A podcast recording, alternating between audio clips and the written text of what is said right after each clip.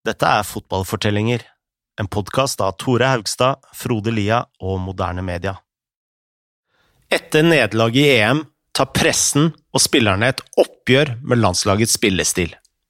Sem blir værende i trenerjobben med håp om å slå kjapt tilbake. Men kampen mot Slovenia skaper ringvirkninger som snart feller laget på nytt.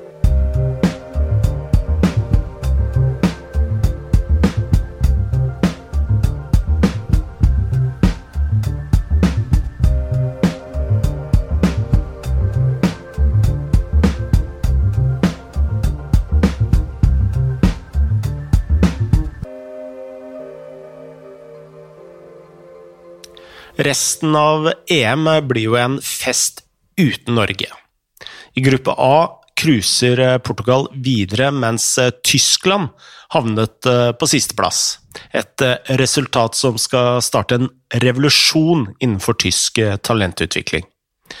England trenger kun uavgjort mot Romania i siste gruppekamp, hvor det sto 2-2 før Phil Neville meier ned Moldovan ett minutt før slutt og gir bort et straffe som Romania skårer på. Ja, Det var det dummeste jeg har sett noen gjøre i et mesterskap. Um, I gruppe B røyk Sverige ut sammen med vertene Belgia, mens Italia og Tyrkia gikk videre derfra. I gruppe D marsjerte Nederland og Frankrike videre, mens Danmark dro hjem uten mål eller poeng. Og så begynte sluttspillet, da, som ble både underholdende og ja, legendarisk bra, egentlig. Det ble jo ingen suksess for våre gamle rivaler, hvis vi kan bruke et sånt ord. Mm. For Jugoslavia tapte 6-1 mot Nederland, og Spania røk ut med 2-1 mot Frankrike. Semifinalene ble jo etter hvert legendariske. I Frankrike mot Portugal skåret Zidane på golden goal, og så har du jo Italia, da, mot Nederland, hvor Italia får Gianluca Sambrotta utvist etter 34 minutter. Nederland bomma så på to straffer i ordinær tid. Søler bort seieren, havner i en straffekonk, og bommet så på tre, hele tre av fire straffer der. Ja. Det er vel de som har det verste ryktet som straffetakere sammen med England, og velfortjent. Og så er det selve finalen, da, selvfølgelig, hvor Sylvain Miltor utligna til 1-1 på overtid mot Italia, før David Trezeguet banker inn vinnermålet på golden goal, rett opp i nettaket. Og siden Italia eh, kom til finalen, så har jo også både Sem og sikkert mange av spillerne og medlemmer av pressen tenkt tilbake på den treningskampen før EM, hvor Norge faktisk slo Italia 1-0 på Ullevål. Og Det forsterker jo bare inntrykket da, at dette landslaget burde, det, burde, gjort det langt bedre enn det de gjorde i EM. Før finalen publiserte VG en kåring fra turneringen. og skal vi ta med noen av utmerkelsene, Tore? Ja, vi kan det. Det er mye morsomt her. og Vi kan jo begynne med beste spiller. Ja, navnet begynner på Z i både fornavn og etternavn. Altså ingen over og ingen ved siden. Mm. Dette var da begrunnelsen, til VG bak disse kåringene. Neste kategori er største flopp. Der skriver VG Tsjekkias Patrick Berger skulle bli en profil. I stedet måtte han sone karantene i de to første kampene for en tøvete utvisning i en meningsløs kamp mot Færøyene. Da Berger var klar igjen, var Tsjekkia allerede slått ut. Mest forhatt? Og Der skriver VG den norske spillestilen. Nest mest forhatt? Den italienske spillestilen. Mest uheldige vertsland? Det var Belgia. Første vertsland som ble slått ut av innledende runder siden 1960. I tillegg fikk de alt bråket med engelskmennene, altså hooligansene, i Charleroi. Charleroi, jeg vet ikke, jeg tror det er fransk. Så heretter tar du alle franske navn? ja, selv om jeg ikke har peiling sjøl. Det var jo spesielt for, forresten at Belgia var mest uheldige, mens Nederland også var et vertsland og bomma på fem av seks straffer i semien, mm. men det ser kanskje litt om Belgia. Og det var jo etter denne turneringen Nederland inviterte den norske fotballforskeren Geir Jorde, som har skrevet ah. mye om straffespark og, og forska på det. Mm, riktig, riktig. Um, det at Belgia var uheldige, er jo også litt knytta opp mot neste kategori, og der har vi største keepertabbe. Ja, for det var Belgias keeper Philip de Ville. Eh, som var synonymt med vertslandets fiasko, der han først tråkka på ballen mot Sverige, deretter viste at han hadde spenst som et lite lemen eller strykejern. Da Tyrkias Hakan Sukur lett vant hodeduell mot en mann som kan bruke armene. Best på smultringer? Det var Danmark. Eh, altså, de var jo store i munnen mot eh, oss, men eh, de skåra faktisk ikke et eneste mål i turneringen. Eh, og det var inkludert et eh, straffespark. Mest populær, uh, ja, I neste kategori da, så finner vi en, en, gammel kjenning, og det er mest upopulære turist. Og det er jo selvsagt dommeren Hugh Dallas, en skotske sådan. Og eh, Der skrev VG at han slipper neppe inn i Norge på ferie etter dømmingen i kampen mot eh, Jugoslavia. Mest, nei, sorry, mest populære sports? Holding i drakter. Raskeste oppsigelse? Nederlands eh, Frank Reichert, som sa opp direkte på TV bare minutter etter at Italia hadde slått ut laget. Mest ensom jobb?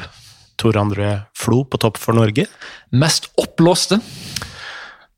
Ja det var jo eh, Eller det måtte jo ha vært eh, Spanias trener José Antonio Camacho, som så ut som han hadde spist helium der han leda laget sitt fra sidelinja. Apropos Camacho, blant min vennegjeng så har vi et uttrykk som heter å ha en Camacho. Og det kommer av Jeg vet ikke om det var kampen mot Norge, men det var en kamp der i EM hvor han sto midt ute i middagssola og med blå skjorte og liksom holdt opp armene for å signalisere bytte og endring av strategi. Og han hadde de største svetteringene mm. du kan tenke deg. Og liksom lyseblå skjorte er noe av det verste du kan ha på deg når du svetter litt. da, og, og uh, VGs uh, beskrivelse antyder jo at han ikke var den, den tynneste treneren i, i VM, så uh, det, der har du det uttrykket. Um, videre til siste kategori, og der er det mest patetiske. Danskene som brukte mer tid på å kritisere Norge enn å tenke på seg selv. Og det endte med null poeng og en rask og fortjent hjemtur. Fadesen mot Slovenia hadde sine konsekvenser for de norske spillerne. VG skrev at EM-stallens verdi hadde sunket med 75 millioner kroner i løpet av turneringa. De nevnte Berg, Heggem, Carew, Solskjær og Flo som spillerne som hadde mista verdi. Kanskje ikke tilfeldig at tre av disse da er spisser, og de to andre ble skada. Men det var også noen spillere som hadde gått opp i verdi. Ja, og disse var Myggen, Myhre, Brakstad og eh, Eggen. Og av disse var det Myggen som hadde vist aller mest. Det tyske magasinet Kicker rangerte ham som EMs åttende beste spiller etter gruppespillet.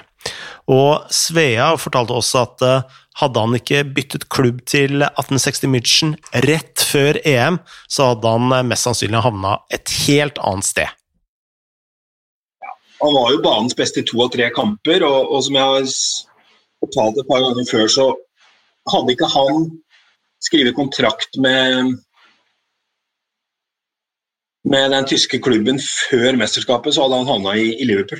Fordi det var det var Gerard Bollier som satt i den juryen som kåra han til banens beste to ganger. Kasta seg på telefonen til Erik Soler og sa 'han skal jeg ha'. Og Da var han allerede i, Hertha, nei, i 1860 München, så da var det for seint. Derfor som gikk faktisk Liverpool glipp av kanskje den aller beste nordmannen av alle de de har hatt. Fordi at han eh, på en måte hadde vært litt dum, men sikra seg òg. At han fikk en klubb som på en måte passa han. Um, han hadde ikke tid til å vente på det mesterskapet. Hadde han gjort det, så Etter det jeg vet, så hadde han vært i, i Liverpool. Og det er jo litt surt å tenke på. Samtidig var ikke pressen nådig med landslagets prestasjoner. Veldig mange trodde at det holdt. ikke sant? Det satt jo folk på tribunen og jubla fordi de trodde Norge hadde gått videre, og Sem fikk jo noen signaler på at vi var videre. Det er, det er liksom der han får den der voldsomme kontrasten. for Han går rundt på banen der og venter, så får han en tommel opp fra Ivar Hoff eller en eller annen tribunen. Og når da den der kommer, så blir på en måte altså, Forskjellen på den og den der er liksom Det er ja, Det går ikke an å sette seg inn i engang. Da faller han helt sammen. Da, da faller verden sammen. Og da, da, blir det på en måte altså bildet av han på kne det, det, er mange som har snakka om det, der, men det blir på en måte et bilde på norsk fotballs fall sånn i ettertid. Og det vi skrev, var at Norge rett og slett ikke fikk til noe. Altså, fikk ikke til noe da det gjaldt som mest. For dette var et Vi møtte jo et lag som vi hadde knust 4-0 på, på Ullevål i kvalifiseringen. Så vi liksom vi, vi, mente at dem skulle vi ta. Og så var vi egentlig i nærheten. Og da, da blir jo det, det blir jo en voldsom nedtur. Det, det går ikke an å komme borti ja, det det er Selv om det er marginer fordi Spania plutselig skårer to så, så skal du kunne avgjøre det sjøl. Det evner de ikke. Det var jævlig skuffende. Nå retter fokuset seg igjen mot Norges strategi. En kommentar i VG mente at hele spillestilen til landslaget måtte revurderes. Det er et alvorlig tankekors for norsk landslagsfotball at laget fremstår på sitt aller verste når det virkelig gjelder, sa saken. Derfor føler jeg at tida er inne for en revurdering av hele filosofien. Og jeg tror det haster. Jeg er oppriktig bekymra for at spillerne vil kvie seg for fremtidig landslagssatsing om det ikke blir forandringer. Det så ut til å ligge noe i akkurat dette, for etter mesterskapet kom en rekke av spillerne med kritikk av spillestilen. Bakke sa følgende Sem vil ikke at vi skal spille lange baller hele tiden, det skal være et alternativ, men vi spillerne ble for feige og ga fra oss ballen. I stedet for å holde på den, spilte vi en lang ball i håp om å vinne den igjen. Det sliter på både fysisk og psykisk. Solskjær, eh, analytisk som alltid, hadde sett alle kampene om igjen innen midten av juli. og Han hadde også analysert sin egen rolle ute på venstrekanten. og Han sa at han trodde han hadde fått fem-seks pasninger fra Myggen og fem-seks pasninger fra Erik Bakke, og, det var nesten det. Ellers var jeg bare involvert i spillet gjennom susser og flikker fra andre. Og når han snakker om fem-seks pasninger fra Myggen, så vet ikke om han tenker om en spesiell kamp enn hele mesterskapet, men uh, om det det sistnevnte, så, så var det ganske kritisk. Tore André Flo sto nå med ni kamper eh, for landslaget uten mål. Og han sa at han eh, hadde følt seg sliten i løpet av mesterskapet, og lovet at han ikke skulle røre en ball før fire uker senere, når ferien var over. Solbakken savnet de gode kontringene og sa at kun Myggen hadde fungert blant de seks offensive spillerne. Og så hadde du Myggen sjøl, som åpenbart ikke var fan av Norges spillestil. Han sa at vi hadde fortjent å bli slått ut, og la til at vi har tre-fire spisser som er blant de beste i Europa. Det er litt dumt at iallfall tre av de er mer innenfor egen 16-meter enn den til motstanderen. Og hva så med Nils Johansen? Han hadde faktisk planer om å gi seg.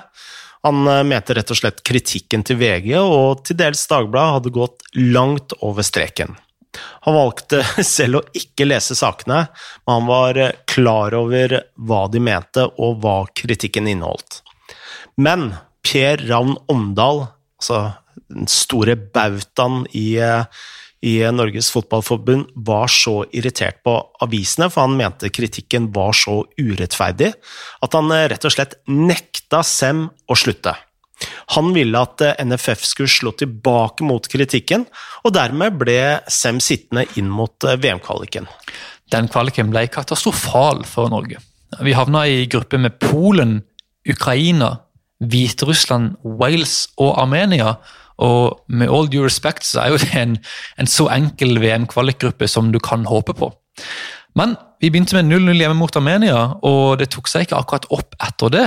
Norge havna på fjerdeplass totalt, med to seire på ti kamper og minus to i målforskjell. Svea så en klar sammenheng mellom kvaliken og avslutningen på EM. Det førte jo også til en veldig sånn negativitet rundt norsk fotball de to neste åra. Um, neste kvalifiseringen så vinner vel ikke Norge før du har spilt eh, Jeg tror de hadde 0-3-3 på de seks første kampene og var liksom slått ut av VM-kvalifiseringen før det har begynt.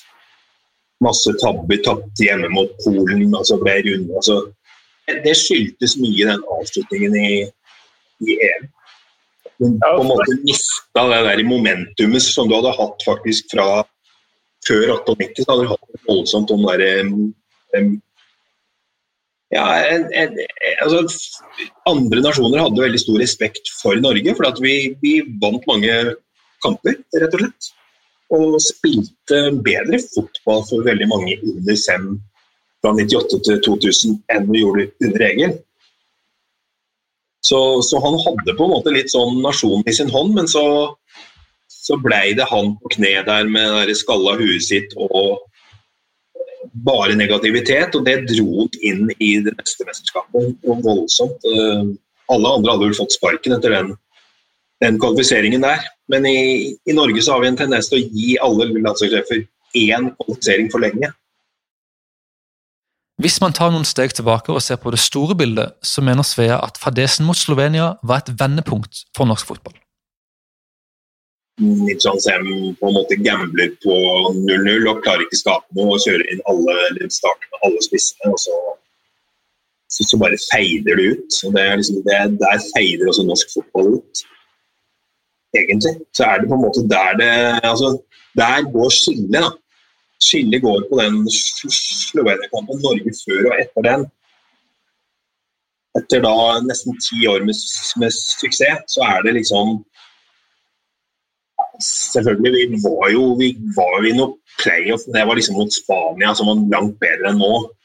I 2003 og så hadde Hareide et par forsøk som var OK, men det var liksom Da mangler det så mange komponenter på laget. Hadde for dårlig keeper der, hadde for dårlig spisser der, hadde for dårlig midtbane der. Det var alltid noe som mangla, men i den generasjonen rundt 2000-2000 så hadde vi den beste utvalget vi har hatt noen gang.